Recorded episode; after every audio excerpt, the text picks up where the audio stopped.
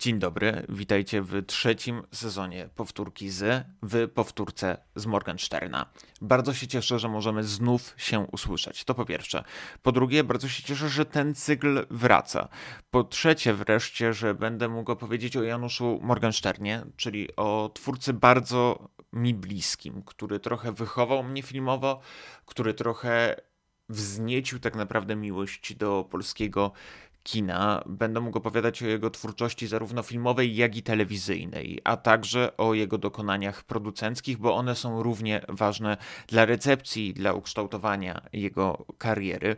Będę chciał opowiedzieć o poszczególnych produkcjach, jak zawsze jedna produkcja na odcinek. Czasem będą to produkcje wiązane, jeśli chodzi o chociażby jego dokonania krótkometrażowe. Jak zawsze to nie będzie w pełni droga chronologiczna. Będę zastanawiać się na tym, jak zestawiać twórczość Janusza Morgensterna i choć będziemy przechodzić przez kolejne dzieła filmowe, nie od razu opowiem o całym jego życiu, bowiem jego życiorys jest szeroki, a także opowieści i anegdoty są równie, w mojej opinii przynajmniej, ważne dla tego, jak kształtowała się jego kariera. Różne fragmenty jego życia odzwierciedlane były także na wielkim, ale również małym ekranie, różne anegdoty, różne przyjaźnie. I to jest chyba punkt najważniejszy, dlatego żeby powtórka w ogóle miała rację bytu. Oczywiście zeszłoroczny jubileusz, setna rocznica urodzin również rezonuje wciąż we mnie. E, Morgenstern był chociażby rówieśnikiem Jerzego Kawalerowicza, a wydaje mi się, że to właśnie Kawalerowicz wiódł prym. Trochę brakuje większej recepcji twórczości Janusza e, Morgensterna. Zresztą twórczości twórczości, mam wrażenie, wciąż niedocenionej, bo choć nagrodzony został Morgenstern platynowymi lwami, choć jest nazwiskiem, mam wrażenie,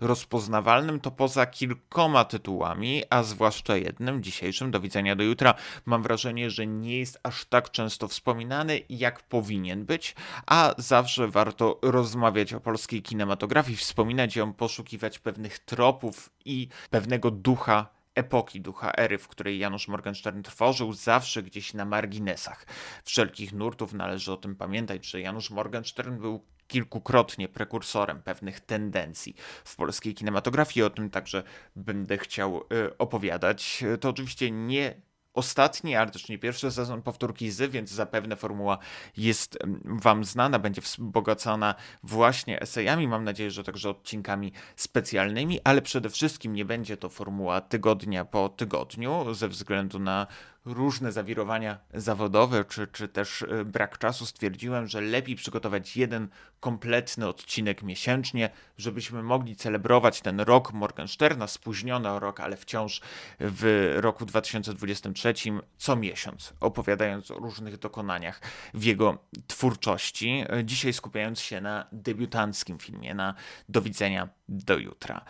I właśnie, przejdźmy do pierwszego kroku w karierze Janusza Morgensterna, bo choć słynne spotkanie z Kurtem Weberem, późniejszym autorem zdjęć, który powiedział mu o łódzkiej filmówce, będzie towarzyszyć nam przez różne odcinki, no to tutaj wydaje się najważniejszy Jadwisin, pewne, e, pewna miejscowość położona nad Narwią, gdzie odbywały się obozy e, studentów i studentek szkół artystycznych, którzy przyjeżdżali, by się spotkać, by się zapoznać. I w roku 1953 Janusz Morgenstern, ówczesny student realizacji filmowej, e, zresztą realizację studiowali wówczas jego znakomici przyjaciele, później znakomici reżyserzy, myślę tutaj chociażby o Kazimierzu Kucu, o Andrzeju mm, Wajdzie. Tutaj oczywiście tylko między innymi był też także Bareja, z którym Morgenstern Morgenstern bardzo mocno się przyjaźnił. I w roku 53 w ramach tego obozu y, Janusz Morgenstern spotyka postać bardzo ważną w jego życiu, postać bardzo ważną w jego reżyserskiej karierze, postać, z którą zresztą się bardzo zaprzyjaźni, Zbigniewa Cybulskiego. Tak to spotkanie wspominał w wywiadzie z Łukaszem Maciejewskim. Zbyszka poznałem bardzo wcześnie, już w 1953 roku na tak zwanym obozie studentów szkół artystycznych w Jadwisinie nad Narwią. Od razu wydał mi się osobowością charyzmatyczną. Czułem, że będzie to wielki aktor. Wyróżniał się bardzo, nawet na szczególnym tle, jakie to było tło, Obecni byli goście z zagranicy oraz fanatyczny prelegent Jerzy Grotowski. Zbigniew Cybulski wówczas zresztą, jak wspominał Morgenstern, kojarzył mu się z takim bardzo mocno harcerskim typem człowieka, ale jednocześnie Morgenstern widział w nim wielkiego aktora. I mówił to od samego początku, że widział w, w Cybulskim ogromny potencjał aktorski, widział ogromną charyzmę, widział takie nowum, którego brakowało, nowum, które zresztą można byłoby przełożyć na język kina, bowiem choć mieliśmy wybitnych aktorów teatralnych, to nie mieliśmy wybitnych aktorów filmowych, a na pewno nie stricte filmowych, z którym zresztą będzie się kojarzyć Cybulski, bowiem jeśli szukalibyśmy takiej ikonografii polskiego kina, to zazwyczaj mówilibyśmy o twórcach, aktorach, którzy współmiernie tworzyli i, i kontynuowali ścieżki teatralne jak i filmowe. Myślę tutaj chociażby o Gustawie Holubku. A jeśli myślimy o Cybulskim, to nie myślimy raczej o jego dokonaniach e, teatralnych, być może poza teatrzykiem e, Bim Bom, a właśnie o jego rolach filmowych, z których został zapamiętany. Był, był taką właśnie gwiazdą e, kinową. Morgenstern często próbował angażować także Cybulskiego do filmów przy których współpracował wówczas jako asystent czy, czy jako drugi reżyser, zwłaszcza myślę tutaj o Andrzeju Wajdzie, no ale nie zawsze udało mu się namówić Wajdy do tego, żeby zaangażował Cybulskiego, nie udało mu się namówić chociażby, żeby zaangażował e, go do kanału, czyli e, jednego z ważniejszych filmów, przy których Morgenstern zaczyna swoją współpracę z Andrzejem Wajdą, na początku jako asystent reżysera właśnie przy kanale, później jako drugi reżyser przy Popiele i Diamencie, a także przy Lot no i właśnie przy kanale proponował Cybulskiego, ale finalnie rolę Koraba zagrał Tadeusz Janczor. Reszta jest historią, historią polskiej szkoły filmowej. I właśnie o tej polskiej szkole filmowej należy pamiętać w kontekście Janusza Morgensterna i w kontekście jego debiutu, bo choć może nam się wydawać, że Morgenstern zaczął i pojawił się znikąd przy Do widzenia do jutra, jako debiutant z perspektywy współczesnej dość późny, ale jak Janusz Majewski mówił w ramach spotkania wspominającego Janusza Morgensterna w ramach jubileuszu, które zorganizowała Kino Kultura. Majewski mówi, że generalnie wówczas debiutowano dość y, późno. Y, oczywiście to pokolenie wojenne miało opóźnione wejście na studia, miało także opóźnione kariery. Dodatkowo trzeba było oczywiście wówczas przed y, studiowaniem w szkole filmowej skończyć jeden fakultet albo przynajmniej mieć jakieś doświadczenie życiowe trudno było wyobrazić sobie debiutującego 30-latka, więc trochę Morgenstern na ten debiut musiał e, poczekać, aż do roku 60, właściwie do roku 59, ale wcześniej musiał wzbogacać swoje doświadczenie właśnie na planach e, Andrzeja Wajdy, czy też Jerzego Kawalerowicza, skądinąd swojego e, rówieśnika. No, ale ten, ta współpraca wajdowska wydaje się najważniejsza w kontekście współpracy z Zbigniewem Cybulskim, bo w końcu to on znów namówił Andrzeja Wajdę do tego, żeby zaangażował Cybulskiego do Popiołu i Diamentu, żeby powierzył mu rolę Maćka Chełmickiego, by stworzył e, jedną z najbardziej ikonicznych e, nie tylko ról w polskim kinie, ale także współtworzył jedną z najbardziej ikonicznych scen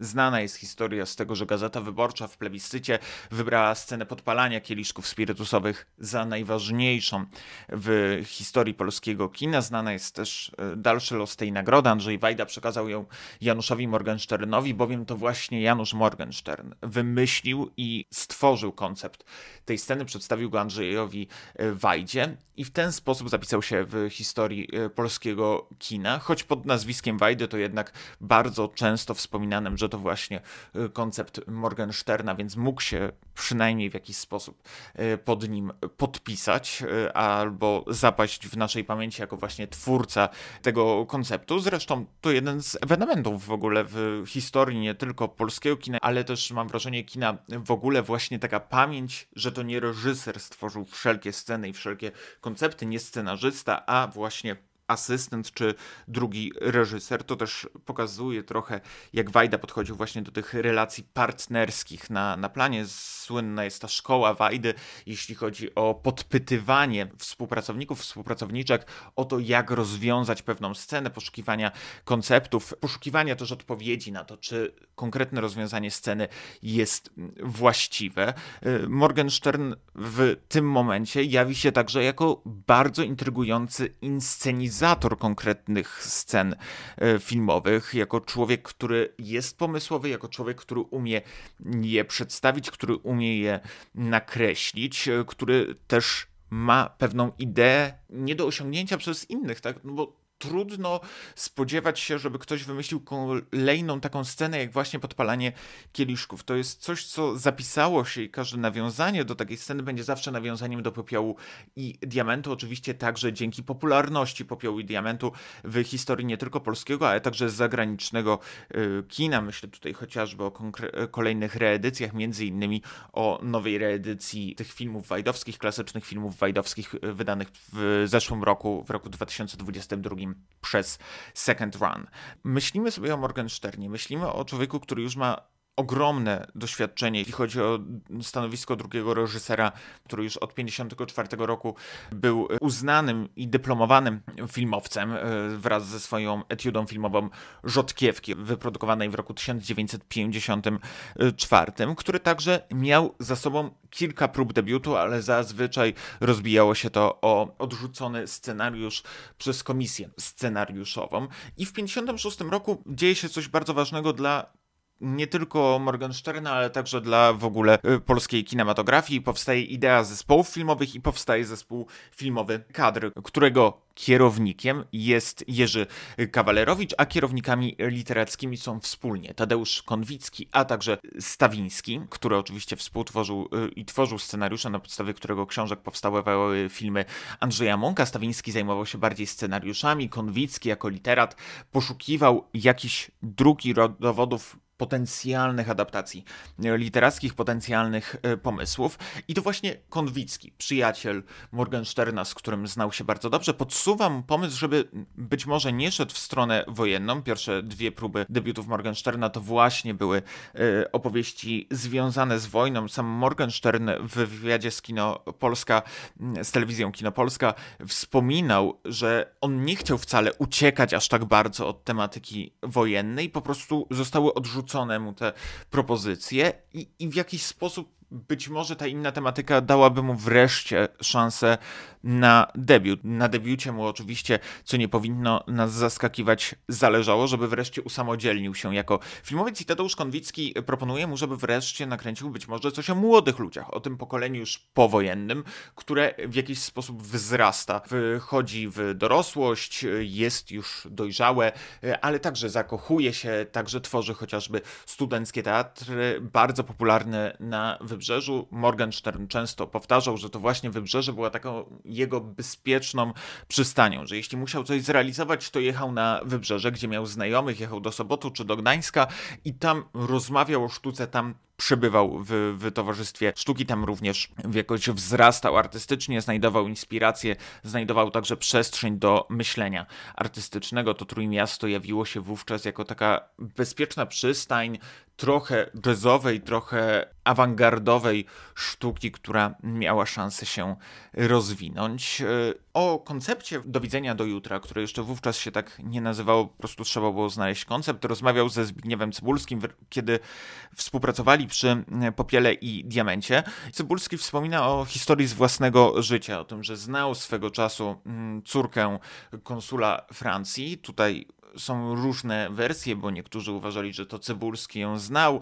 E, Wowo Bielicki, który będzie również grał w Do widzenia do jutra, mówi, że to tak naprawdę to on był w pewnej relacji z François mm, takiej miłosnej, zakochali się w sobie, ale te wiadomości nie są jakby jasne, są różne wersje, czy to Cybulski, czy to Wowo Bielicki. W każdym razie faktycznie była e, postać francuskiego konsula, zresztą Marek Henrykowski w swojej książce o do widzenia do jutra wspomina, że Zbigniew Cybulski występuje także w jej wspomnieniach. Wówczas ona była niespełna 18-letnia. Zbigniew Cybulski był już wówczas po studiach y, i w jakiś sposób spotykali się, y, rozumieli, rozmawiali. Ja być może do tej różnicy wieku podchodzę bardziej sceptycznie z perspektywy współczesnej, ale tak wyglądała historia y, do widzenia do jutra, tego pierwotnego konceptu, tej prawdziwej historii stojącej za tym filmem. E, Cybulski pisze ten scenariusz wraz z Bogumiłem Kobielą, choć jak zauważa Marek Hendrykowski,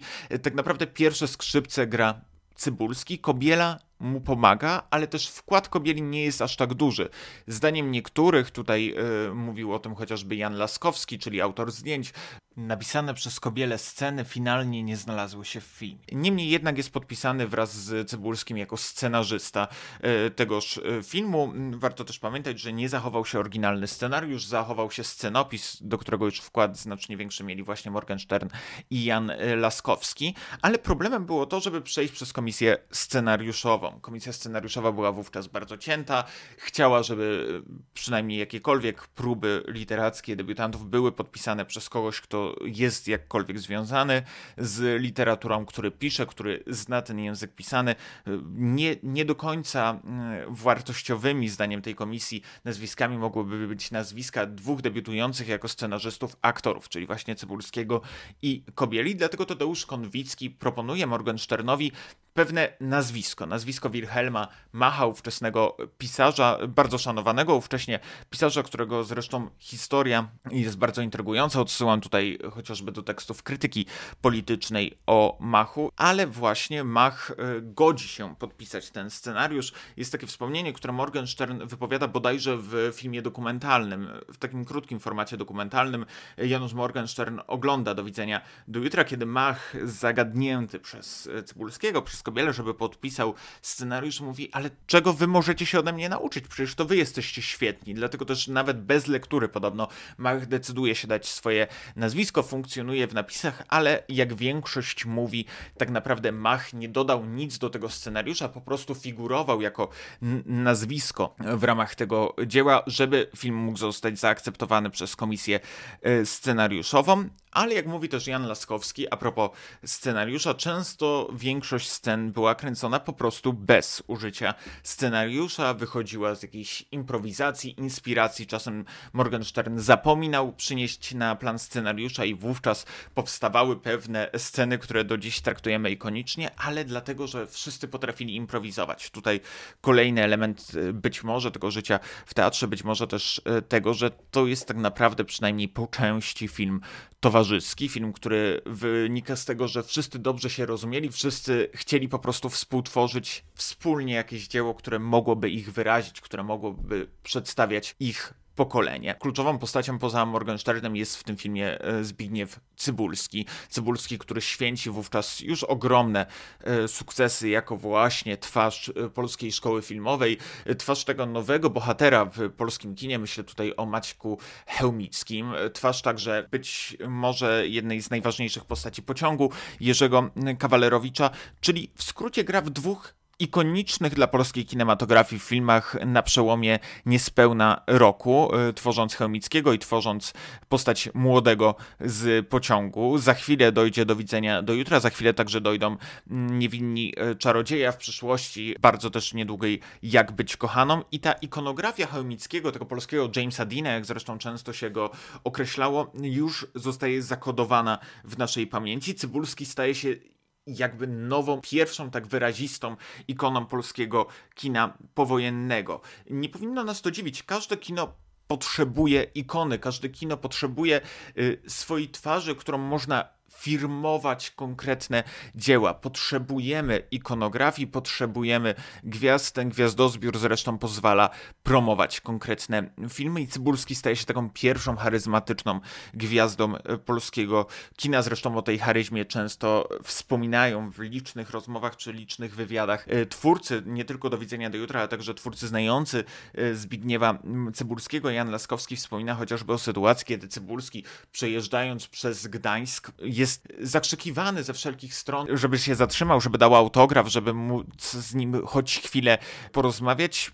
Tam też pojawiają się pierwsze demony, bo, bo na przykład Cybulski często w, w różnych lokalach jest zagadywany, żeby ktoś mógł z nim spożyć e, alkohol, e, żeby się z nimi napił, co, co co też oczywiście w większym stopniu już zaczęło przeszkadzać Cybulskiemu, bo to były pewne takie, pewne demony, pewne pokusy, które pojawiały się w barach, w restauracjach, żeby musiał się z kimś napić, tak, bo ktoś chce mu postawić alkohol do tego, że jest gwiazdą, do tego, że jest rozpoznawalny, co też skutkowało oczywiście odbijało się chociażby na, na zdrowiu Cybulskiego, ale były też inne fragmenty, inne anegdoty. Jedną z takich słynniejszych anegdot w trakcie kręcenia do widzenia to jutro jest e, anegdota z motocyklem, kiedy Cybulskiemu kradną motocykl i przez to nie ma jak się poruszać po Trójmieście, trudno jest mu przyjeżdżać na plan. Do widzenia do jutra jest rok 59, w Gdańsku kręcone są wówczas zdjęcia, a Cybulski nie ma jak dojeżdżać na ten plan i zgłasza się do lokalnego radia, mówiąc, że mi Zbigniewowi Cybulskiemu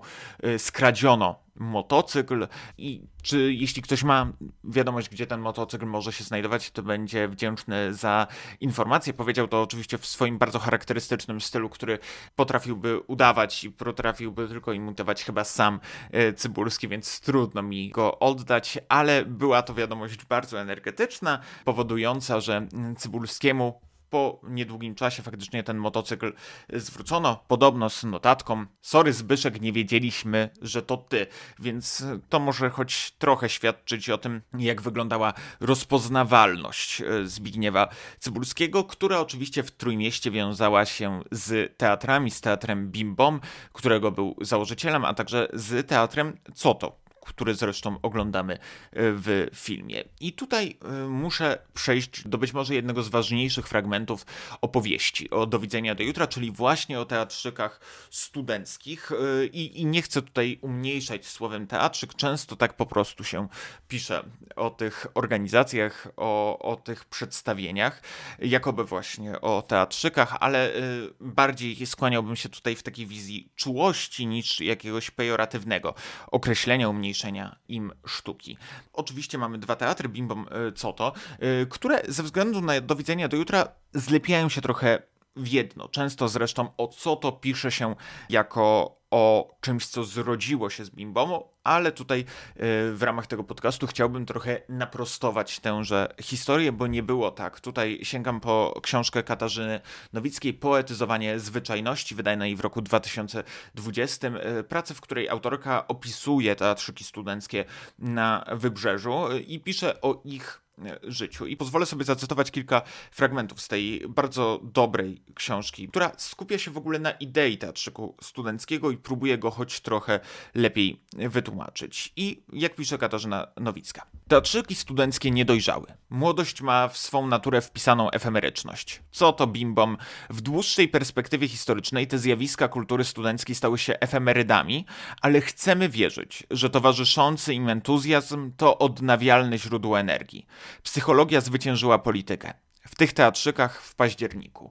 Tak samo mówi w swoich dziennikach Agnieszka Osiecka, która również angażowała się w teatry studenckie, która wspominała, że to była tak naprawdę jedyna forma przeżycia. To była taka ucieczka trochę od tej codzienności. To był taki powiew świeżości, który wszystkim był wówczas y, potrzebny. I znów Nowicka. Ówcześni studenci architektury, malarstwa, rzeźby, mechaniki, chemii, budowy okrętów, medycyny w teatrzykach własnego pomysłu wykazywali się wieloma talentami, które nie mogły rozbłysnąć na uczelni. Na scenach w klubie studenckich, potem scenach festiwalowych stawali się inżynierami, aktorami, scenografami, inżynierami dźwięku itd. Tak Słowem tworzyli nie tylko trupę aktorską, ale całą niezbędną do istnienia teatru kadrę artystyczno-techniczną.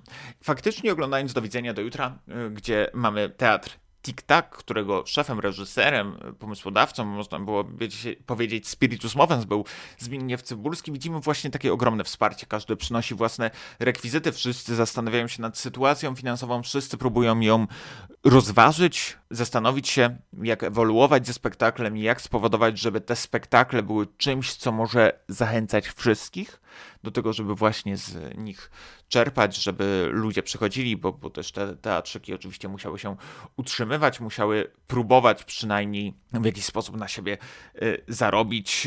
Y, mamy też to zderzenie w do widzenia do jutra teatru z administratorem, który wyłącza im światło, który chce ich wyrzucić, który powoduje, że tak naprawdę gryzą się z tym, jak, jak przetrwać, bo tutaj też należy pamiętać o strategiach przetrwania, ale z drugiej strony należy pamiętać, że te teatry były również doceniane za granicą, pojawiały się turne artystyczne, gdzie odwiedzali inne kraje Europy, żeby pokazywać swoją sztukę, były zapraszane właśnie przez, przez różne teatry, przez różne społeczności do tego, żeby pokazywać. To były takimi towarami wręcz eksportowymi, sztukami eksportowymi, więc nie były tylko ograniczone lokalnie, ale faktycznie były pewnym sposobem życia. Był także STS, choć STS, jak wspomina Janusz Majewski, był bardziej polityczny. On chociażby reżyserował w STS-ie. Bimbom był trochę oderwany od tej polityki, bardziej skupiał się na codzienności, ale właśnie nie ideologicznej, co trochę artystycznej. Po prostu oni nie mieli inklinacji do tego, żeby opowiadać ideologicznie. Chcieli właśnie się skupić na młodości. Ale skupmy się na początku na teatrze Coto, czyli teatrze rąk, pantomimy rąk, którą widzimy chociażby w scenie otwierającej Do widzenia do jutra. Tam widzimy dzieło Świetlik e, Romualda Frejera, czyli pomysłodawcy tegoż e, teatru. I jak Nowicki opisuje w ogóle ideę powstania Co to? Teatr Frejera od pierwszej premiery uchodził za nieopisywalny. Ciche, bezsłowne wymykanie się oficjalnej zetempowskiej formule, czysty liryzm gestu podbity akompaniamentem pianina wywierały niezatarte wrażenie. No i właśnie to dzieło Świetlik jest tego przedstawicielem, być może najbardziej wyrazistą formułą tego, o co chodziło Frejerowi w teatrze, czym było w ogóle, co to. Ten moment uchwycenia, próby uchwycenia Świetlika, czegoś latającego, oczywiście także relacji miłosnej, relacji romantycznej, tego złapania spełnienia wydaje się pewnym synonimem, wydaje się także pewną refleksją, odbiciem e, sytuacji wówczas młodych, którzy próbowali złapać to uwznieślenie, to, to wyzwolenie, ale ono cały czas wymykało się z rąk. choć w didaskaliach do Świetlika znajdujemy takie słowa jak nieosiągalne szczęście, ideały, miłość, to wydaje mi się, że to jest po prostu sytuacja wówczas młodych, przynajmniej ja czytając różne dzieła, myśląc o, o, różnych przedstawieniach, różnych opisach ówczesnych pokoleń młodych, e, wydaje mi się, że właśnie to, to nie, nieumiejętność uchwycenia to, to, to była ta wizja tej wolności, która gdzieś się jawiła, ale która cały czas wymykała. Tą wolność można interpretować właśnie jako szczęście, jako e, ideały, które chcieli wszyscy reprezentować, z którymi także chcieli w zgodzie żyć. I jest coś pięknego, że to właśnie ta sekwencja otwiera do widzenia do jutra. To taka myśl o tym, że czym zresztą do widzenia do jutra w całości jest tej wiecznej gonitwie za wolnością, za miłością, za szczęściem, która cały czas wymyka. Zresztą jest to wpisane w młodzieńczość właśnie jest efemeryczne, nie do uchwycenia, jest ulotne, jak ten, jak ten świetlik, do którego co jakiś czas możemy się zbliżyć. Można też to interpretować jako pewien ikarowy lot, tak? Im bardziej zbliżamy się do świetlika, tym bardziej on od nas się oddala, im bardziej zbliżamy się do wolności, tym bardziej okazuje się, że ta wolność jest od nas daleko, im bardziej zbliżamy się do ideału, to ukazuje się, że ten ideał znajduje się już w innym miejscu, albo faktycznie nigdy nie byliśmy jego blisko za, za tą historią teatru, co to stoi również pewna negatywna historia filmu Do widzenia do jutra. Tego, że co to zostało trochę przysłonięte przez e, Bimbom e, w, w recepcji. A wiadomo, że wówczas, kiedy nie było aż tak dobrego dostępu do, do wiedzy, zresztą teatry studenckie nie zostały nigdy przed książką Nowickiej tak szerzej opisane wnikliwie, przebadane, jeśli chodzi o recepcję historyczną, opierały się głównie na nostalgii, więc można było zapomnieć o tym, że jak, jak one się naradzały, tak? Oczywiście były ze sobą powiązane w teatrze, co to i w Bimbomie działał chociażby właśnie Wowo Bielicki, ale nie ulega wątpliwości, że co to nie narodziło się z Bimbomu, a takie zresztą padały zdania, że co to narodziło się w 56 jako idea wzięta właśnie z teatru Bimbom, że niektóre te dzieła teatru co to, to są tak naprawdę spektakle, yy, które, które oglądamy na ekranie do widzenia do jutra, to są tak naprawdę spektakle Bimbomu, co, co nie ulega wątpliwości, że w napisach zabrakło nawet co to, o co zresztą upominał się Freyer, pisząc listy do tego, żeby zostali zauważeni, żeby jego dzieła zostały zauważone. Jak mówi Nowicka, paradoksalnie film Janusza Morgensterna przyczynił się nie do popularyzacji niszowej scenki Frejera, a do zatarcia jej tożsamości i przyłączenia jej w charakterze młodszego rodzeństwa do oryginalnego bimbomu. Tam zresztą oglądamy też oczywiście sekwencję Arlekin, która staje się pewnym przesłaniem ze strony bohatera granego przez Zbigniewa Cebulskiego do Marguerite, granej przez Teresę Tuszyńską, przesłaniem tego, że ich miłość nigdy nie będzie mogła być spełniona, że zawsze będzie skazana na jakieś finalne niepowodzenie, na finalne złamanie serca. Natomiast jak powstał Bimbom, tak wspomina o tym Tadeusz Chrzanowski, kolejny cytat za książką Nowickiej. Jedni grają w piłkę, drudzy w karty, jeszcze inni śpiewają w chórze, my spróbujemy bawić się w teatr. Tak podobno na jednym ze spotkań założycielskich miał powiedzieć Zbigniew Cybulski. Faktycznie ta zabawa w teatr, która zresztą z zabawy miała wiele i tu znów nie umniejszając mm, twórczości Bimbomu, ale bardziej przedstawiając charakter tegoż teatru, czyli właśnie zabawę, która wiązała się z wyzwoleniem, wiązała się z pasją. To miało być po prostu coś, w czym mogli spełniać się pasjonaci, jednocześnie być może na tym zarabiając, albo także znajdując przestrzeń na wyrażanie siebie. Zresztą, jak spojrzymy na kolejny ciąg kariery, jeśli spojrzymy też na postaci, które oglądamy na ekranie, myślę tutaj chociażby o Jacku Fedorowiczu, no to możemy mieć wrażenie, że właśnie Bimbom stał się taką katapultą do kariery, bo tam zaczyna Cybulski, tam zaczyna Kobiela, później przechodzą także inni do innych teatrów y, gdańskich, kiedy Cybulski i Kobiela osiągają już i rozwijają w pełni swoją karierę. Tutaj oczywiście Cybulski dzięki roli Maćka Chełmickiego, y, Kobiela dzięki chociażby filmom y, Andrzeja Munka, czyli zarówno Eroice, jak i Zezowatemu Szczęściu, no wówczas trochę ta kariera ucieka, Bimbo musi się zamknąć, musi się przeobrazić kolejny raz gdańska scena teatralna. I w słowach Kochanowskiego myślę, że jest dużo także z recepcji Bimbomu, z tożsamości Bimbomu, ale także tego, co oglądamy w Do widzenia do jutra, któremu czasem zarzucono, że jest zbyt czuły. To zarzucała chociażby w recenzji Alicja Hellman, mówiąc, że jest zbyt czułostkowy. Myślę także o tych zarzutach, które nawet współcześnie można znaleźć, chociażby w rozmowie z Janem Laskowskim wspomina o tym Krzysztof Kornacki, prowadzący spotkanie, że zbyt ckliwy, zdaje się, film Janusza Morgensterna, że być może gdyby Bogumił Kobiela dopisał więcej scen w scenariuszu, to byłoby bardziej to rozbite o humor, a za mało melodramatyczne i brak tej melodramatyczności być może spowodowałoby, że, że film Morgensterna jeszcze więcej zyskuje, ale Kochanowski pisał w ogóle o Bimbomie, ale o tym pokoleniu tak. Coś było, tutaj przypis w tej infantylności. Ale jeśli tak, to styl tej sceny, jakkolwiek by ją określić, był też ówczesnym stylem pokolenia. Faktem jest, że składnikami młodzieżowej mody tamtych lat były akcesoria pokoju dziecięcego. Baloniki, misie, laleczki, lektura Małego Księcia. Infantylizm, podbudowany w miarę możności poezją, a czasem grafomanią, był tak samą modą jak romantyczność XIX-wiecznych młodzieńców. Nasz infantylizm był reakcją na swoje dzieciństwo, zbiedniałe i okrojone okrojone przez wojnę, a potem czas powagi. Jak mówi też Janusz Morgenstern, dopowiadając o teatrze Bimbom. Nie chodziło w nim o żadną ideologię, wojenne resentymenty, tylko o czystą radość grania, o teatr. Przez cały czas wiedziałem, że Cybulskiego trzeba koniecznie zdobyć dla kina. Morgenstern wie o tym również oglądając go na deskach Bimbomu i myślę o Kochanowskim, myślę o tym, że fantylizm traktowałbym jako pewien eskapizm od tożsamości, od tych przeżyć, od tych traum wojennych, które doświadczały prawie każdego, który Bimbom współtworzył, bowiem każdy z nich miał na karbie doświadczenie II wojny światowej, e, ukrywania się, walki na froncie, ucieczki, Także Janusz Morgenstern, ale o tej historii wojennej Janusza Morgensterna będę chciał opowiedzieć w kolejnych odcinkach. Wydaje mi się, że do widzenia do jutra również sygnalizuje taką potrzebę ucieczki od tej tożsamości, którą również była szkoła polska, prawda? Szkoła polska, która bardzo mocno nastawiała nas na historyzm, bardzo mocno nastawiała nas również na pewną ideologię przesłania, niezależnie jaka ta ideologia by była,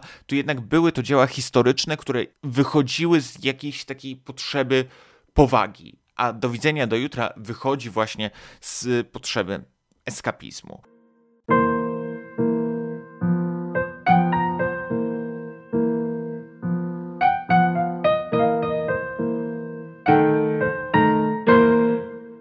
Kiedy myślimy o do widzenia do jutra, mam wrażenie, że myślimy o Zbigniewie Cypulskim, o Morgensternie, o debiutanckiej muzyce Krzysztofa Komedy, o jazzie, o wyzwoleniu, ale w moim przypadku przede wszystkim myślimy o odtwórczyni głównej roli, roli Marguerite, czyli o Teresie Tuszyńskiej, dla której film Do widzenia do jutra stał się z jednej strony odkryciem, z drugiej w pewien sposób ukoronowaniem jej kariery aktorskiej. Stał się takim symbolem, z którym będzie związana na zawsze. Stał się symbolem, który zresztą był odtwarzany na okładkach gazet, znajdowała się chociażby na okładce filmu, jako właśnie Margaret w wydaniu jubileuszowym tegoż tygodnika.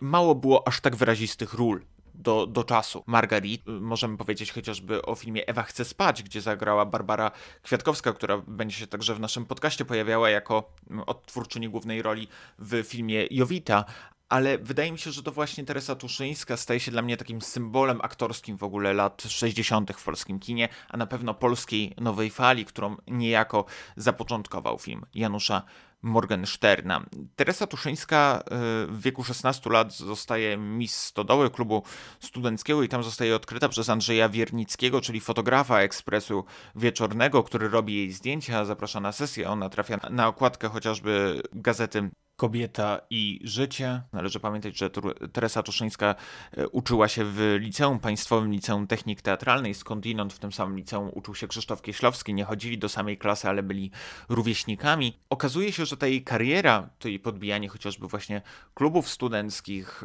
potańcówek, licznych potańcówek, na których się pojawia, naznacza trochę życiorys Teresy Tuszyńskiej, albowiem rezygnuje z uczenia się, a właściwie zostaje wyrzucona ze względu na nadmiar nieobecności. Decyduje się zmienić trochę swoją karierę. Pewnym impulsem jest także konkurs przekroju. Film szuka młodych aktorek. Konkurs przekroju był jedyny w swoim rodzaju. Zresztą zdjęcia Teresy Tuszyńskiej na ten konkurs bez jej wiedzy podobno wysyła właśnie Andrzej Wiernicki, myśląc, że jest idealną osobą do wygrania tego konkursu, idealną osobą również, żeby stworzyć, trwać w karierze aktorskiej. Teresa Tuszyńska przechodzi pierwszy etap, później zostaje zaproszone bodajże kilkadziesiąt dziewczyn do, do drugiego etapu, gdzie już mają odtwarzać pewne scenki przygotowane przez jury. W tym jury znajduje się chociażby Jan Rybkowski, ówcześnie jeden z bardziej rozpoznawalnych reżyserów. Tutaj cytat z książki Tetetka, czyli wspomnienia o Teresie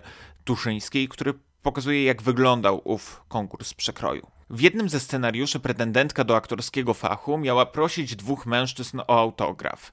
W innej podejść do drzwi, obrócić się i powoli zbliżając do kamery powiedzieć: Jesteś fajny chłopak, ale z felerem, bez pieniędzy.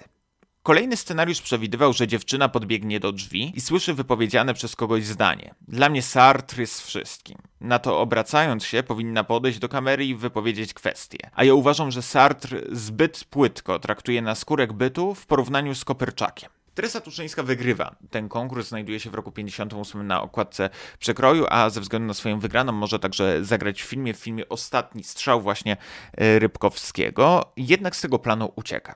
Tajemnica ucieczki Teresy Tuszyńskiej z planu Ostatni Strzał nie jest znana, jest owiana pewną niewiedzą, pewną zasłoną. Nikt do końca nie wie, czemu zniknęła z ostatniego strzału. Możemy przypuszczać różne i, i snuć różne teorie, ale chyba nigdy już nie poznamy prawdy.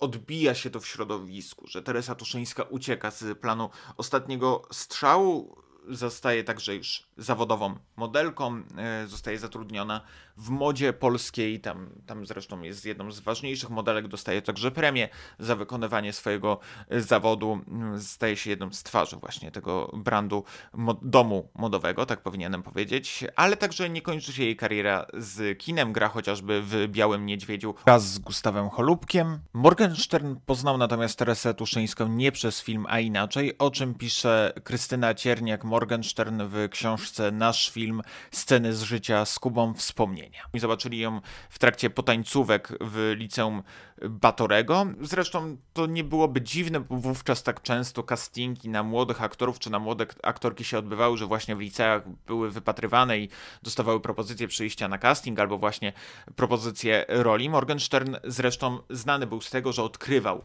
e, nowych aktorów i nowe aktorki e, do kina, czasem naturszczyków, czasem osób, które nie były rozpoznawalne. No zresztą widzimy, prawda? Odkrył po części przynajmniej Zbigniewa Cybulskiego, mówiąc, że będzie wielkim aktorem. Było kilka kolejnych nazwisk, które będą pojawiały się w kolejnych odcinkach, gdzie znów mamy świadomość, że to właśnie Morgenstern tym swoim instynktem, w pewien sposób także reżysera obsady, można byłoby powiedzieć, wymyślał sobie koncept aktorów i później uzyskiwał potwierdzenie. Podobnie było podobno z Wowo Bielickim, którego również sobie wymyślił, później uzyskał potwierdzenie od swojego asystenta, że to jest właśnie odpowiednia osoba do zatrudnienia do Do Widzenia do Jutra, gdzie, gdzie gra Amanta i właśnie w ten sposób potwierdził sobie, że Wowo Bielicki jest odpowiednią postacią. Czwartą personą bardzo ważną, jeśli chodzi o opowieść o Do widzenia do jutra, jest Eleonora Griswold, y, wówczas znana jako Eleonora Kałużyńska, która podkłada głos pod postać Teresy Tuszyńskiej. Griswold była amerykańską aktorką, która przyjechała w roku 1955 na Festiwal Młodzieży, tam poznała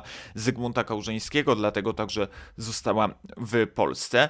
I w pewien sposób podobno poznał ją y, Morgenstern, usłyszał, nie do końca wiadomo w jaki sposób, nieznana znana jest ta historia. Kałżyńska zostaje zatrudniona, tak wspomina to chociażby Jan Włodarczyk. Na pewno nie było żadnego castingu. Nie poszukiwano nikogo do roli w rozumieniu poszukiwania głosu Margaret. Udział Eli Kałżyńskiej był z góry ustalony. Udało się. Swój głos przelała odtwarzanej przez Tuszyńską postaci. Te dwa autentyki dały kapitalny efekt. I trudno zresztą się z tym faktem nie zgodzić. Eleonora Kałużyńska, jej głos niedoskonały polski, który byłoby trudno uzyskać Teresie Tuszyńskiej, wychodzi jej znakomicie. Zresztą, choć współcześnie takie historie bardzo rzadko się zdarzają, należy pamiętać, że postsynchrony to było miejsce, gdzie nagrywano wówczas dialogi, e, dlatego że bardzo trudno było nagrać idealny dźwięk na planie. Często właśnie wszystko się robiło w postsynchronach, dubbingowano też niektóre role nie tylko w kinie polskim, ale też w kinie zagranicznym. Warto pamiętać, że większość chociażby ról zagranicznych w filmach europejskich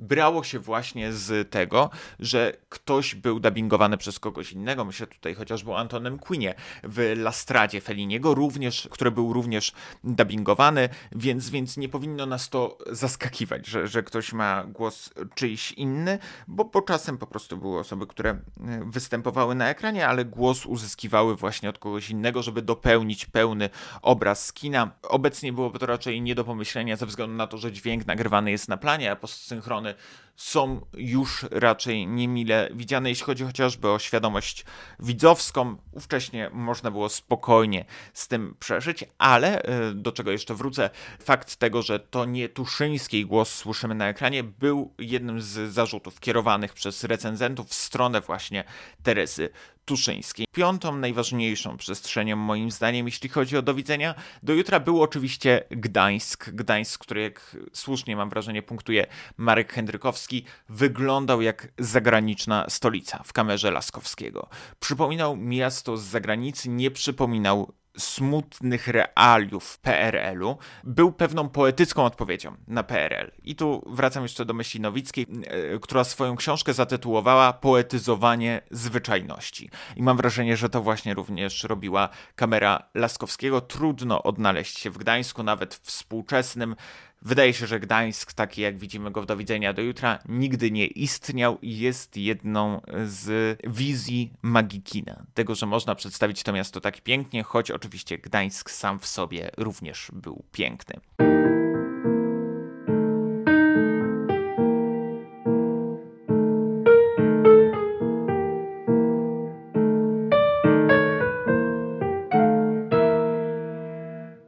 Rok 59, do widzenia do jutra powstaje. Jerzy Pelc przyjeżdża w ramach e, wysłannictwa z filmu, tygodnika Film, do Morgensterna i prosi go o komentarz do tego, jaki film będziemy mogli oglądać. Tak zapowiada swój film w filmie Janusz Morgenstern. Robimy film o miłości, gatunek raczej nieznany w naszej dzisiejszej kinematografii i przez to trudny, zwłaszcza w uchwyceniu specyficznego, lirycznego klimatu. Chcemy pokazać, że między młodymi ludźmi może się wywiązać uczucie szlachetne, czyste, że nasza młodzież nie jest tak zepsuta i cyniczna, jak się powszechnie sądzi. To zresztą częsta retoryka obierana przez twórców filmu Do widzenia do jutra, ta kontra wobec perspektywy na młodych. Zresztą mam wrażenie, ta kontra, która rezonuje także dzisiaj i wydaje mi się, że zwłaszcza dzisiaj paradoksalnie. No bo często mówi się, że filmy kręcone przez młodych są pewnym sprzeciwem wobec perspektywy, którą roszczą sobie dorośli. I, i oczywiście każde pokolenie, mm, a przynajmniej tak tradycyjnie wyglądało, że każde pokolenie starsze narzeka na pokolenie młodsze, mówiąc, że za ich czasów było całkowicie inaczej, że młodzież jest zepsuta. Zresztą oglądamy to też teraz y, w takich starciach pokoleniowych, w których również często uczestniczę jako jedna ze stron, buntując się przeciw negacji młodego pokolenia. To samo robił Morgenstern, to samo mówił Cybulski, to samo robił także Teatr Bimbom, próbując kontestować to, Y, tą wizję pokolenia młodych, młodego pokolenia wobec właśnie tego pokolenia bardziej dojrzałych, doświadczonych, które miało całkowicie inne przeświadczenie o tym, jak powinna wyglądać młodość, jak powinna wyglądać y, nasza relacja, jak powinno wyglądać funkcjonowanie młodych, albo jak wygląda. Zresztą a propos złej młodzieży, to Teresa Tuszyńska została prawdopodobnie usunięta ze swojego liceum nie tylko ze względu na nieobecności, ale ze względu na to, że była gwiazdą, a źle patrzono wówczas na osoby, które pojawiały się na okładkach gazet, na okładkach czasopism, bowiem mogły demoralizować resztę społeczności szkolnej. Też dlatego Teresa Tuszyńska, kiedy pojawiała się na okładkach, została wyrzucona ze szkoły.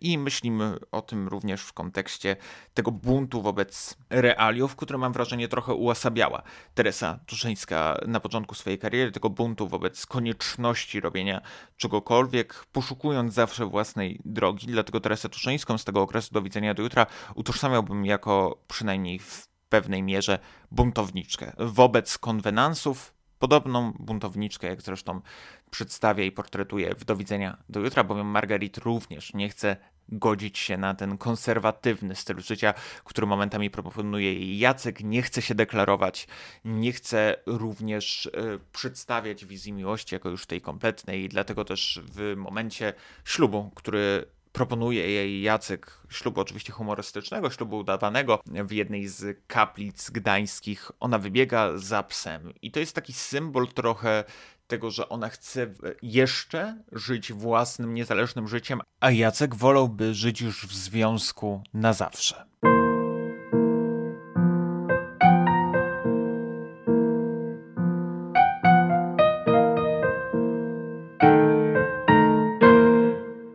Widzenia do jutra po świetliku, który jest pięknie odegrany, e, rozpoczyna się bardzo znaną już sekwencją rozmowy Jacka, granego przez Zbigniewa Cebulskiego, z kukiełką, która wysłuchuje opowieści jego relacji z Margarit.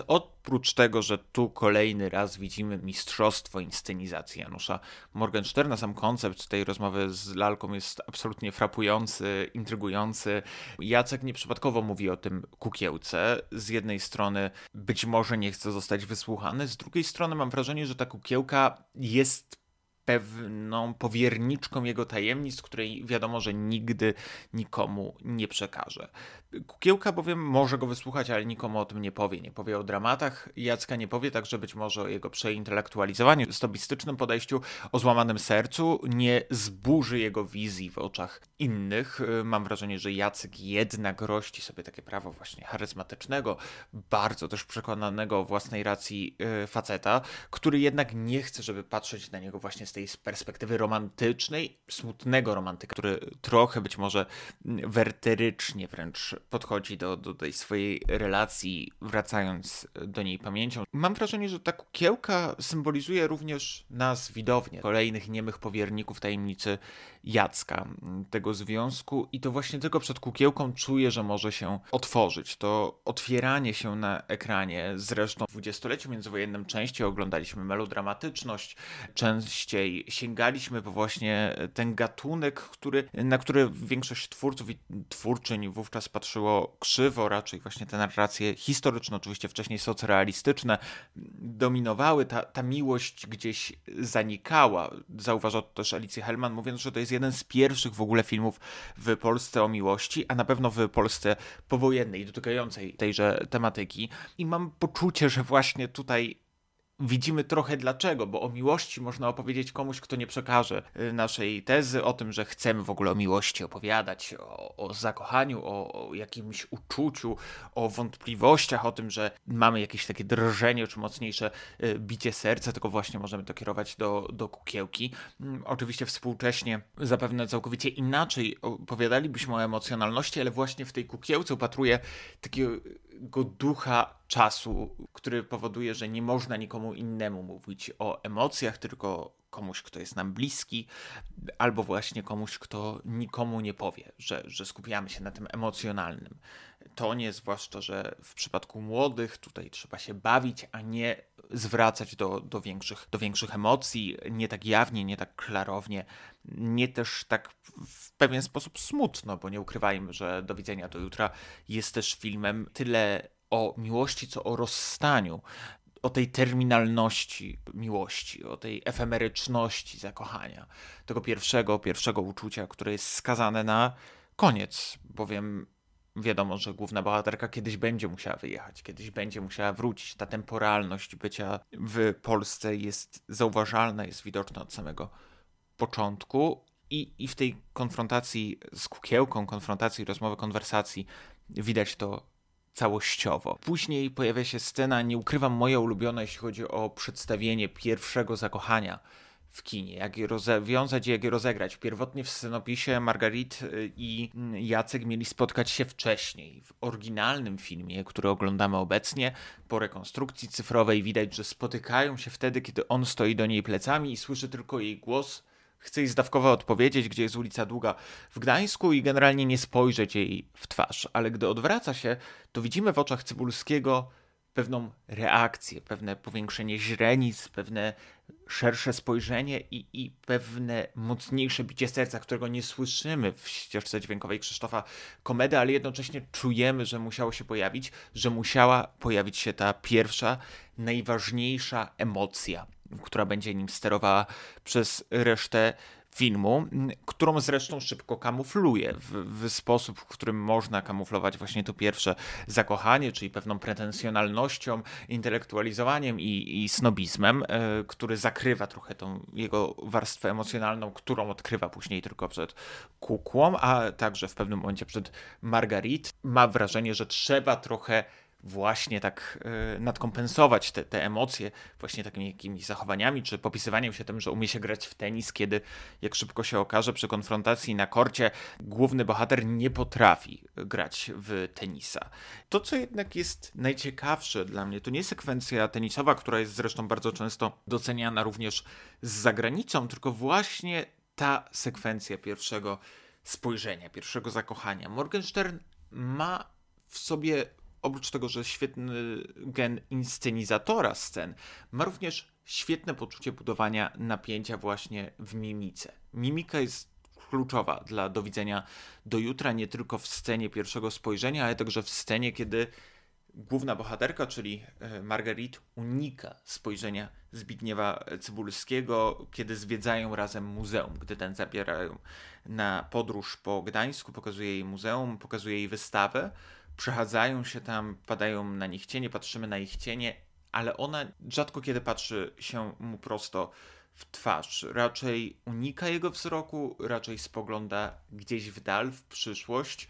Być może z pewną świadomością, że to zetknięcie się oczami, a nie właśnie spoglądanie obok siebie, mogłoby spowodować, że będzie miała jakiś taki impuls do zostania, albo że ten żal po zakończeniu relacji będzie jeszcze większy. Mówi o tym zresztą sama, kiedy Jacek mówi jej, że na zawsze będą razem.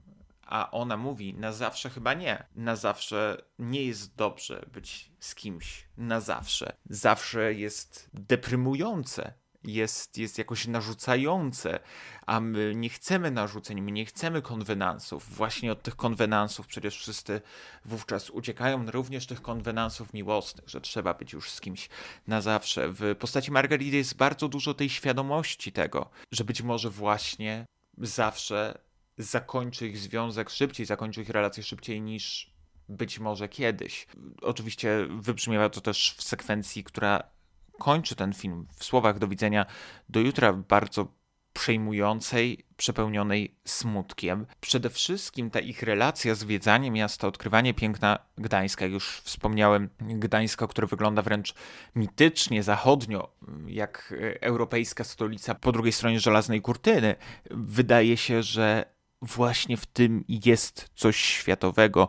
Bardzo mi się podobało sformułowanie, które usłyszeć można było właśnie na tej rozmowie po do widzenia, przed do widzenia do jutra w kinie Kultura, że Janusz Morgenstern tworzył od samego początku kino kosmopolityczne, kino europejskie, kino, które nie miało tożsamości narodowej w sobie. I wydaje mi się, że to zresztą spowodowało, że ten film był znacznie bardziej doceniony za granicą niż w Polsce, że już właśnie w tych rozwiązaniach, w przedstawieniu tego, jak prezentuje Laskowski Gdańsk, Trójmiasto, ukazuje się jakaś taka myśl, że żeby nie tworzyć z tego polskiego patosu, że być może zachwycić się lokalną architekturą, co zresztą czyni główny bohater prezentując Margaret Miasto, ale z drugiej strony okazuje się, że ona tak naprawdę tymi realiami architektonicznymi nie jest zainteresowana, nie potrzebuje historii miasta, by móc je docenić, nie potrzebuje znać konkretnego powodu powstania danego budynku, by móc docenić jego piękno. To piękno oderwane od historii być może jest jeszcze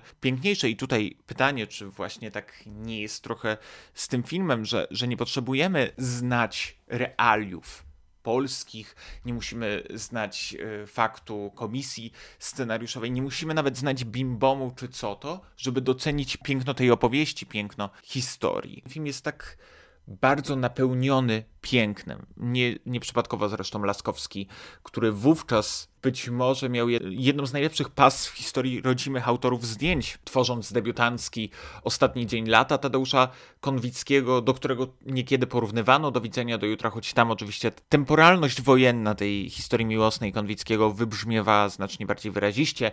E, Laskowski odpowiadał także za zdjęcia do pociągu jeden z najbardziej wymagających oczywiście operatorsko filmów, dlatego że zdjęcia były kręcone w faktycznym pociągu, więc to wymagało od Laskowskiego pewnej akomodacji do nowej rzeczywistości. I wreszcie do widzenia do jutra, gdzie Laskowski powiedział, że był zaskoczony tym, że wszyscy chcieli robić ten film, ale wszyscy też byli wyjątkowo przygotowani do tego, żeby robić coś wyjątkowego, robić coś niezwykłego i mam wrażenie, że oddają to także jego zdjęcia. E, niektóre podobno nie weszły do filmu, on sam mówi, że, że część scen zostało za wcześnie uciętych, podobno ta końcówka miała być znacznie dłuższa, mieliśmy oglądać e, dłużej łzy głównej bohaterki, łzy Margarit po pożegnaniu, a Gdańsk, mam wrażenie, jako to bardzo międzynarodowe mimo wszystko miasto, do dziś tak je odbiera, jakoś w pewien sposób pozwoliło uniwersalizować tą opowieść. Że to nie jest opowieść w kinie polskim, tylko to jest opowieść w kinie europejskim, w kinie światowym. Czasem jest to bardzo mocno zauważalne, to rozgraniczenie na kino polskie i kino światowe. Czasem polskie filmy były doceniane właśnie za to, że miały ten, ten zew polskości w sobie, zwłaszcza kino polskiej szkoły, do której Morgensternowi, jak już wspominałem, było blisko, ale właśnie też takiej uniwersalności, która trochę odbiegała od rzeczywistości, stąd też częste konfrontacje tego filmu z francuską nową falą. Zresztą Cybulski mówił o tym tak. Trzeba pamiętać, że pisaliśmy go po zobaczeniu we Francji filmów nowej fali. Do widzenia do jutra była naszą reakcją na pokazywanie młodzieży w sposób jednoznaczny, że jest cyniczna, bezideowa, że się narkotyzuje. I tu znów mamy tą wizję właśnie perspektywy młodych, którzy w jakiś sposób buntują się wobec zastanym realiom rodzimej kinematografii. Film Do widzenia do jutra jakoby był, powstał w pewien sposób w obronie młodych, w obronie osób, które mogą właśnie być młodymi nostalgikami, romantykami, poszukiwać swojego miejsca na ziemi, idąc różnymi ścieżkami niż to, jaką obraną perspektywę prezentują inne dzieła kinematografii, być może bardziej dojrzałych, doświadczonych twórców i twórczyń, e, być może także bardziej dojrzałych chociażby literatów. E, mam wrażenie, że tutaj jest właśnie ten, ten wyraz buntu, który nie jest podany wprost. To nie jest bunt formy, jak było w francuskiej nowej fali, to jest bardziej bunt tematyki, bunt perspektywy, która, która była bardzo ważna, która była narzucona, oczywiście, którą też należało konfrontować w komisji scenariuszowej, ale która jednak pozwoliła wyzwolić trochę tą młodzież z okowów oczekiwań, e, okowów tego, jak była zapisana w perspektywie i w świadomości ogółu. I, i ten bunt gdzieś mi imponuje. I zresztą Morgenstern mówi, że być może właśnie w tej perspektywie młodych, w tej perspektywie, z której on opowiadał, kryje się sekret tego, że do widzenia do jutra również teraz może być pozytywnie odbierane. Być może młodzi mają te same problemy, być może młodzi muszą tak samo konfrontować się z rzeczywistością. Zresztą o tym samym będę mówić w innym młodym filmie Janusza Morgensterna, czyli w Trzeba zabić tę miłość, napisanym przez Janusza Głowackiego, gdzie również będę zastanawiać się, czy współcześnie ten film również zmaga się z podobnymi problemami. Bo do widzenia do jutra, dzięki swojej uniwersalności, dzięki temu, że spokojnie można wyobrazić sobie, żeby ten film powstał i teraz. W różnych perspektywach, podobno Morgenstern dostał także propozycję, która oczywiście jak z perspektywy czasu wiemy się nie spełniła, żeby napisać film odwrotny, że o Polce, która zakochuje się tym razem w Francuzie. Ten film nie doszedł do skutku, ale mam wrażenie, że tu mamy wytyczone kolejne ścieżki tego, że ta historia mogłaby powstać do dziś. Zresztą y, mój ulubiony film w historii kina przed wschodem słońca również opowiada przecież o tym samym, o wałęsaniu się po mieście, w tym przypadku w Wiedniu, z taką znów perspektywą temporalności tego, że to musi się zakończyć. Smutek i nostalgia również dla Morgensterna stają się takimi osiami tematycznymi. Mam wrażenie, że już w otwierającej sekwencji z kukiełką widzimy ten smutek, widzimy tę nostalgię, widzimy także pewien werteryzm głównego bohatera, kiedy nie może kontaktować się z Margarit, kiedy urywa im się ten kontakt, wreszcie ona przychodzi do niego, żeby ostatniego dnia jej pobytu w Polsce się spotkali. On trochę izoluje się od teatru, znika z prób, nie pojawia się. W tej perspektywie, w tym rozpisaniu Jacka coś, co, co jest z jednej strony kliszą, ale z drugiej strony najbardziej chyba popularnym tematem, jeśli chodzi o relacje właśnie młodych dorosłych, czy, czy jeszcze wcześniej nastolatków, czyli właśnie takiego bardzo mocnego i widocznego przeżywania emocji. Tylko, że o ile teraz zapewne ktoś by przeżywał emocje wspólnie, dzielił się tymi emocjami, opowiadał o nich głośno, to jednak Jacek potrzebuje internalizować swoje uczucia, nie pokazywać ich stojąc w ciemności i czekając przed drzwiami teatru, gdy odbywa się próba, bo boi się tam wejść, boi się skonfrontować w tym okresie swojej słabości. To jest też opowieść o wewnętrznej potrzebie ukrywania tego, co siedzi w nas przed innymi, żeby inni nie zobaczyli nas w naszej stronie emocjonalnej, tego zaszycia emocjonalnego, które, które Jacek prezentuje. Zresztą Jacek, któremu niewątpliwie bardziej zależy na takiej deklaratywności uczuć jego i Margarit, na tym, żeby właśnie wszystko dookreślić, podczas gdy Margarit unika do określania. Nie ma chęci określenia ich, ich relacji, tego, co ich łączy, tego wspólnego ja. Czy, czy, czy w ogóle będzie jakieś wspólne ja w przyszłości, choć jak sugeruje Nowicka w swojej książce, w Arlekinie ujawnia się również ta perspektywa Cybulskiego, że, że ten związek nie ma racji bytu, nie ma przyszłości. Jak, jak w sztuce właśnie Arlekin, w tym performensie teatru Co to? Dlatego też Jacek prosi o Arlekinę na koniec, wiedząc, że ona będzie tam siedzieć i ona zrozumie ten przekaz później okazuje się, że dochodzi do kolejnego spotkania, odnowienia ich znajomości. Z drugiej strony, oczywiście, mamy też pewne znów wzruszające momenty, jak chociażby wizja tego, że kiedy jest się w sobie zakochanym, to cały świat izoluje zakochanych od reszty, od ich spojrzeń, od ich e, być może jakiejś niechęci, antypatii. Kiedy, kiedy główni bohaterzy całują się w deszczu i ten deszcz odgradza ich od spojrzeń innych, którzy oczywiście się na nich patrzą, na, jak na jakiś pewien ewenement, coś, coś fascynującego, ale z drugiej strony te, te ich spojrzenia są odszyte deszczem, odizolowane trochę jak my jesteśmy odizolowani od tego uczucia, mimo tego, że znów podglądamy ich na, na kanwach ekranu, że, że znów mamy jakąś pewną zasłonę, która nic nie daje, ale jednocześnie daje jakąś taką barierę intymności w tej, w tej scenie pocałunku. I cały czas o tym myślałem. O tym pięknie konfrontowanym ze smutkiem, który wydaje mi się, że jest jedną z podstawowych tendencji opowiadania o miłości. Tego przesiąknięcia w ogóle uczuciem, tych dialogów, które momentami być może wydają się współcześnie pretensjonalne, zresztą już wówczas, patrząc na recepcję krytyczną, wydawały się pretensjonalne czy snobistyczne, jak niektórzy recenzenci pisali, ale z drugiej strony jest w tym jakieś piękno. Być może młodość właśnie filmowa, e, co też widzimy po filmach francuskiej nowej fali, musi mieć w sobie coś z pretensjonalności, bo ta pretensja jest wpisana wręcz w wiek młodzieńczy, do czego również ja się przyznaję, pod czym ja również się podpisuje. My, kiedy nie, nie możemy na siebie spojrzeć z boku, zachowujemy się podobnie i, i wydaje mi się, że Morgenstern stawia trochę takie lustro przed młodym pokoleniem, również po części swoim pokoleniem, choć on był kilka lat starszy od reszty, reszty ekipy Laskowskiego czy obsady, który stawia trochę ten obraz i patrzy, w sumie tak wyglądamy, ale być może jest w tym jakaś część piękna. Być może jest to piękne, że właśnie tak wyglądamy, być może jest to piękne, że właśnie tak ze sobą rozmawiamy, być może jest to piękne, że tak się zachowujemy i nie da się tego ukryć, bo Morgenstern ani razu na swoich bohaterów nie patrzy z góry, daje im być po prostu sobą. Daje im być sobą, bo to oczywiście także, jak zwraca Marek Hendrykowski, film środowiska. Oczywiście bimbomu, ale także tego, że rzadko kto gra kogoś innego niż siebie. Najbardziej siebie nie może grać oczywiście Teresa Tuszyńska, która wciela się w rolę córki konsula.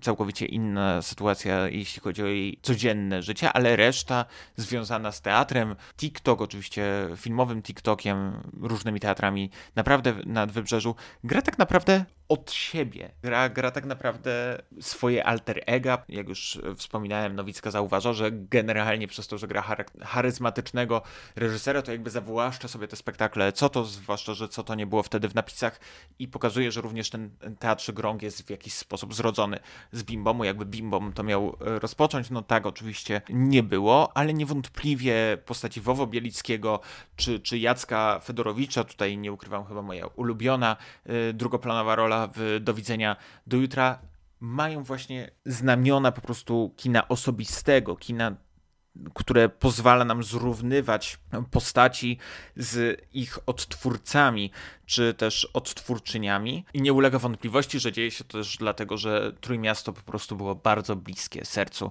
Janusza Morgensterna. Było taką jego bezpieczną przestrzenią, w której zawsze mógł tworzyć. I bardzo mi się podoba cytat e, Morgensterna, który opowiadając o do widzenia do jutra mówi tak. To nie byli zawodowcy, ale to nie byli amatorzy.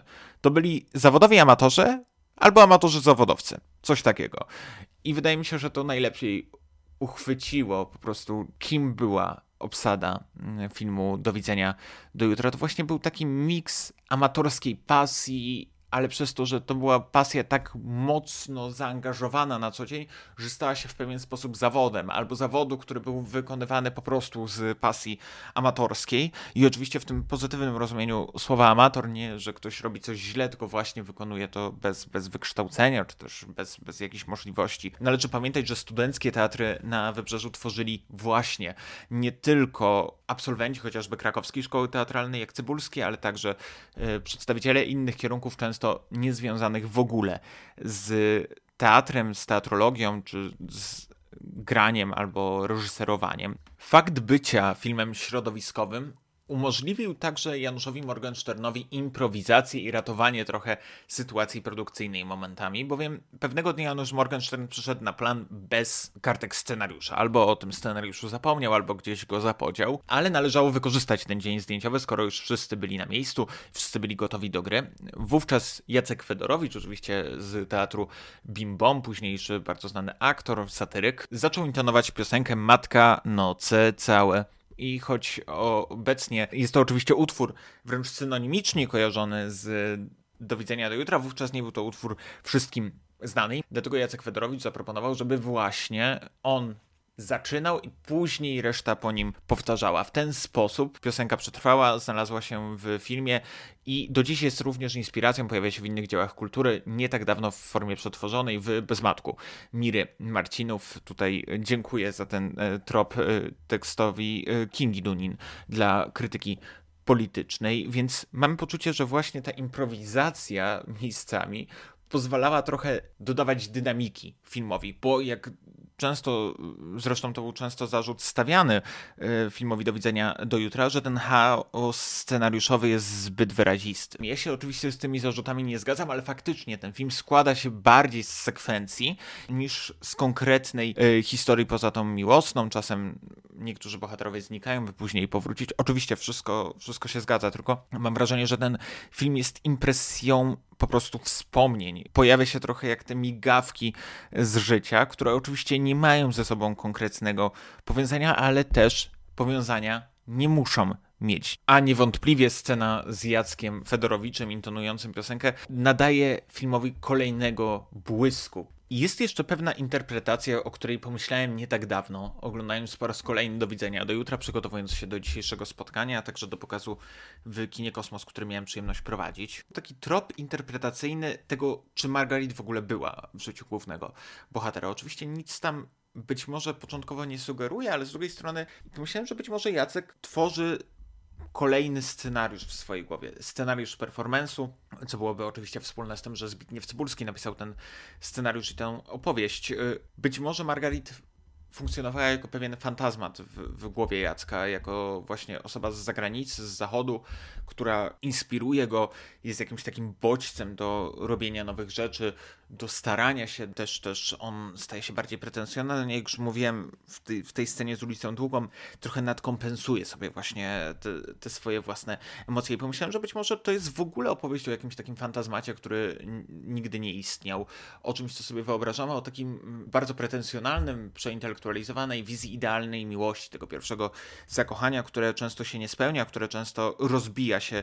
o falach właśnie tego młodego romantyka, który często tworzy bardzo romantyczne dzieła i przez to musi wyobrażać siebie w sytuacji romantycznej. Być może właśnie Margarit jest takim wytworem wyobraźni głównego bohatera, której nigdy nie spotkał, a którą wytworzył tylko na potrzeby opowieści dla kukiełki, na potrzeby jakiegoś takiego rozliczenia się ze własnym młodzieńczym romantyzmem, a także do tego, żeby zainspirować się do tworzenia kolejnej ze scen, bowiem zakończenie przywraca nas do tego, kiedy on jest znów reżyserem i tworzy kolejny sketch, jak mówi mu bohater grany przez Jacka Fedorowicza, trochę przesłodzony. Oczywiście dlatego, że Jacek Fedorowicz jest zazdrosny o sceniczną partnerkę e, Zbigniewa Cybulskiego, ale niewątpliwie znów gdzieś podsuwa mi się ten trop, że być może to wszystko jest jakiś taki fantazmat, marzenie, które nie miało szansy się spełnić, a które towarzyszy Jackowi jako młodemu romantykowi. Oczywiście nie jest to interpretacja jedyna, a na pewno nie jest to interpretacja w pełni w zgodzie z filmem, ale jest to interpretacja, która gdzieś mi się pojawiła w głowie, bo mam wrażenie, że w ówczesnych czasach też tej fascynacji Zachodem być może była gdzieś bardziej obecna, być może jest choć trochę, choć poniekąd słuszna tej fascynacji właśnie Zachodem, tym marzeniem, które nie miało szansy się spełnić, bowiem żyliśmy po drugiej stronie żelaznej kurtyny i często taka sytuacja mogła być tylko kanwą marzeń, a nie realiów, które dotknęły głównego bohatera. Do widzenia do jutra, które traktujemy dziś jako jedno z arcydzieł lat 60. w polskiej kinematografii, nie było bardzo pozytywnie przyjęte przez y, krytykę ówczesnych lat. Nie było też bardzo piętnowane, ale nie doczekaliśmy się fanfarów. Nie, y, nikt nie obwieszczał Janusza Morgensterna jako nowego króla polskiego kina, nikt nie pisał o nim jako twórcy jakiegoś współczesnego arcydzieła. Y, Marian Bielicki w tygodniku Film swoją recenzję zaczyna tak. Bardzo współczuję Morgensternowi. Nie jest bowiem rzeczą przyjemną realizować swój pierwszy samodzielny film, dysponując takim scenariuszem jak ten, na podstawie którego nakręcono Do widzenia do jutra. I chwilę później, a może autorzy chcieli zrehabilitować film miłosny. Miast tego. Skompromitowali go doszczętnie. Widzimy więc, że jest jakaś taka potrzeba rehabilitacji w ogóle filmu miłosnego w Polsce, więc tu już widzimy taki sceptycyzm recenzenta filmu, ale później mamy do czynienia z taką surową krytyką, mówieniem o tym, że gatunek został w Polsce skompromitowany. Później warto przypomnieć, że Bielicki docenia kilka, kilka rzeczy w filmie Morgensterna, mówiąc, że ma potencjał jako reżyser, ale brakuje takiego pełnego zachwytu, którego byśmy się spodziewali z perspektywy współczesnej. Film często, chociażby na łamach ekranu, jest zestawiany z innym filmem o młodzieży, z filmem Bogdana Poręby Lunatycy.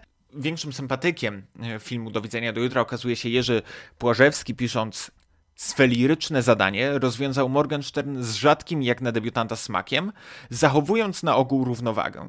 Znów, na ogół nie, nie możemy powiedzieć, że jest to hura optymistyczna recenzja. Taką chyba recenzją najbardziej momentami kuriozalną dla mnie jest recenzja Krzysztofa Teodora y, Teplica. Być może nie z powodów tego pierwszego fragmentu, który zacytuję, tylko Teplic oczywiście, jak część recenzentów, także zarzuca Teresie Tuszyńskiej to, że nie słyszymy jej głosu na ekranie, że słyszymy Eleonorę Kałużyńską, ale zwłaszcza dlatego, że Teplic później pisze o tym, że to właśnie Kałużyńska powinna zagrać w tym filmie i że jej pojawienie się w polskim kinie to największa zasługa Zygmunta Kałużyńskiego dla polskiej kinematografii. I tutaj już wchodzimy do takiego okresu polskiej krytyki filmowej, której ja nie lubię, tej krytyki bardzo osobistej, tej krytyki towarzyskiej, y, która jednocześnie przypomina mi trochę taką krytykę ebertowską y, w tym negatywnym fragmencie krytyki Rogera Iberta, która bardzo często uciekała do argumentów ad personam, która bardzo często stawiała na jakieś takie niezbyt udane żarty, a na pewno żarty, które bardzo źle się dla kina zestarzały. Zresztą to jest częste w przypadku krytyki filmowej polskiej lat 50. i lat 60. to odwoływanie się do wyglądu, czy właśnie do, do argumentów ad personam, które gdzieś mnie, nie ukrywam, mierzi bardziej niż bawi, ale Teplic pisze także. Nie ma w tej historyjce nic, co by świadczyło, że mamy do czynienia z ludzkim uczuciem miłosnym. Być może dzieje się tak dlatego, że bohaterowie tego filmu są zbyt młodzi. Oczywiście Teplic mówi, że zbyt młodzi, dlatego że y, nie mieli szansy na doświadczenia, że nie można mówić o miłości w przypadku młodych. I tutaj mamy właśnie chyba to podejście, wobec którego kontrowali swoim filmem e, Cybulski i e, Morgenstern, mówiąc, że właśnie młodzi mogą się zakochiwać, że właśnie miłość młodych jest warta przedstawienia, że właśnie nie są tacy jak roszczą sobie do tego prawa bardziej doświadczeni ludzie, bardziej doświadczeni życiowo, y, skazujący młodzież, no właśnie tych najgorszych banitów, których nie warto traktować poważnie. I tutaj wybrzmiewa to w recenzji Teplica, co do której ja jestem znów bardzo, bardzo sceptyczny, bo, bo, mam wrażenie, że nie dość, że nie zgadzam się doktrynalnie z tymi ucieczkami ad personam Teplica, to jednocześnie mam takie poczucie, że nie tylko ucieczki ad personam są tu złe, ale również ten pogląd tego, że młodzi nie wiedzą, co to miłość, jak oni mogą wiedzieć, są zbyt młodzi. No tutaj mamy do czynienia z bardzo męczącą retoryką. E, warto też przypomnieć, że w obronie Teresy Tuszyńskiej e, w tygodniku Przekrój stanął Zbigniew Cybulski, wysyłając do redakcji list, mówiąc, że należy docenić Teresę Tuszyńską. Pozwolę sobie znów go zacytować, bo wydaje mi się, że, że to jest takie bardzo ważne oświadczenie z perspektywy współpracy na planie i tego, jakie były relacje relacje e, wśród ekipy. Do widzenia, do jutra. Zagrała bardzo dobrze i chyba będę musiał napisać specjalną rozprawę, żeby położyć kres idiotycznej plotce, jakoby rola Tuszyńskiej zawdzięczała wszystko podłożonemu potem cudzemu głosowi. Kompletna bzdura, bo jak dowodzą nasze polskie własne doświadczenia niektórych innych aktorek, dubbing wcale nie uratował. Tuszyńska musiała grać sama i grała. I to grała naprawdę dobrze. Za granicą ten film oczywiście był przyjęty znacznie cieplej, jeśli chodzi też o nagrody e, festiwalowe. Na przykład Norman C. Moser w filmie Quarterly w roku 1960 e, skupiał się na przykład tylko na Cybulskim, przynajmniej głównie w swojej recenzji, ale tworzył właśnie z niego e, wielkiego autora tego dzieła, trochę zapominając o Januszu Kubie Morgensternie, skupiając się właśnie na tym, jak Cybulski sam napisał i wykreował swoją rzeczywistość. Zresztą recepcja tego filmu jest bardzo intrygująca.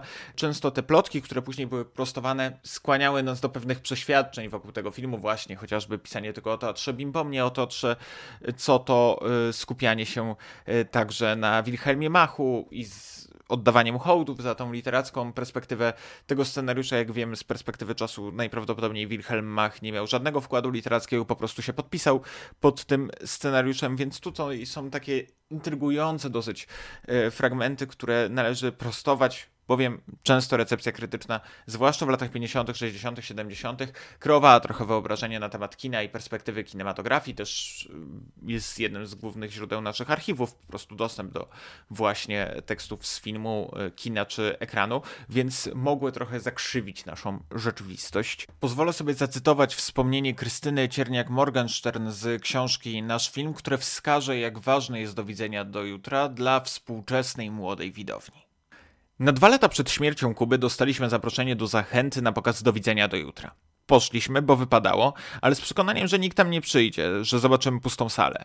Nawet się nie przebraliśmy po pracy w ogrodzie, a tu nie mogliśmy się dopchać na salę, tak wielki tłum ludzi stał przy wejściu. I to młodych ludzi. Do Kuby podeszła jakaś dziewczyna i powiedziała, czy mogę uścisnąć panu rękę i podziękować za ten film? Widziałam go już siedem razy. Byliśmy wstrząśnięci. Kuba był zachwycony. I ja dodam od siebie, że faktycznie Do widzenia do jutra, mam wrażenie, jest najbardziej uniwersalnym polskim filmem lat 60., obok filmu Niewinni Czarodzieje, o którym chciałbym kiedyś nagrać podcast, być może w jakimś właśnie cyklu powtórkowym, bowiem oba filmy bardzo się uzupełniały. Do widzenia do jutra weszło na ekrany kin w maju, wcześniej miało pokazy premierowe również w kwietniu, Niewinni Czarodzieje natomiast dopiero w drugiej połowie roku. Więc jakby Morgenstern wyprzedził Wajdę, jeśli chodzi o taką nową falowość w rodzimym kinie, zresztą zapowiedział tą nową falowość, którą później prezentował także chociażby w swoich filmach Jerzy Skolimowski, mm, też współpracujący skądinąd z Laskowskim, który właśnie tę nowofalowość w polskim kinie firmował swoim talentem. Polskie kino znalazło się już w trochę innym miejscu, polskie kino poszukiwało nowych tematów, poszukiwało nowych tendencji. Prekursorem w tym wszystkim był właśnie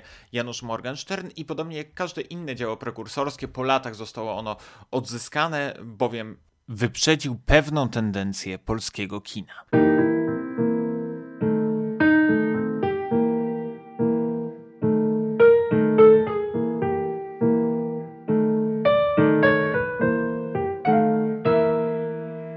Powoli dobiegamy końca dzisiejszego odcinka, powtórki z Morgensterna.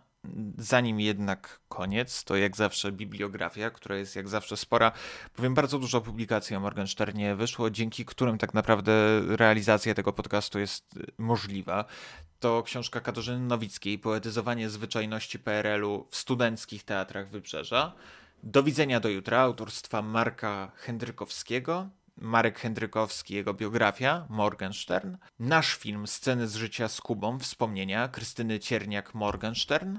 Po części książka, która będzie mi towarzyszyć przy kolejnym odcinku, czyli książka Piotra Siemiałkowskiego Niewidzialne filmy uparci debiutanci. Książka Tetetka, wspomnienia o Teresie Tuszyńskiej, Mirosława J. Nowika a także zbiór wywiadów Łukasza Maciejewskiego Przygoda myśli, rozmowy obok filmu. W tworzeniu dzisiejszego odcinka pomogły mi także filmy dokumentalne, zwłaszcza jeden. Janusz Morgenstern ogląda Do widzenia do jutra zbiór Akademii Polskiego Filmu na temat filmu Do widzenia do jutra wraz z esejem Marka Hendrykowskiego, y, a także wywiady Janusza Morgensterna udzielone Polskiemu Radiu właśnie o Do widzenia do jutra, a także o jego całej karierze, które zostały przypomniane przy rocznicy premiery tego wyjątkowego filmu. Spotkania z Janem Laskowskim przeprowadzone i uwiecznione przez Akademię Polskiego Filmu właśnie w ramach tejże serii, które prowadził Krzysztof Kornacki i Jerzy Armata, gdzie Laskowski wspomina właśnie swoje przygody z Januszem Morgensternem i swoje przygody na planie. Do widzenia do jutra. Jak zawsze bibliografię znajdziecie w opisie tegoż odcinka, jeśli będziecie chcieli trochę więcej poczytać o kinie Janusza Morgensterna zwłaszcza do widzenia do jutra po dzisiejszym odcinku. Podcast Powtórka z Morgensterna produkowany jest przez Maję Głogowską, jest produkcją e, portalu Filmawka. Muzykę stworzył Fox, a ja nazywam się Maciej Kędziora i mam przyjemność przygotowywać ten podcast merytorycznie i go prowadzić. Do widzenia, do usłyszenia za miesiąc w odcinku o jutro premiera.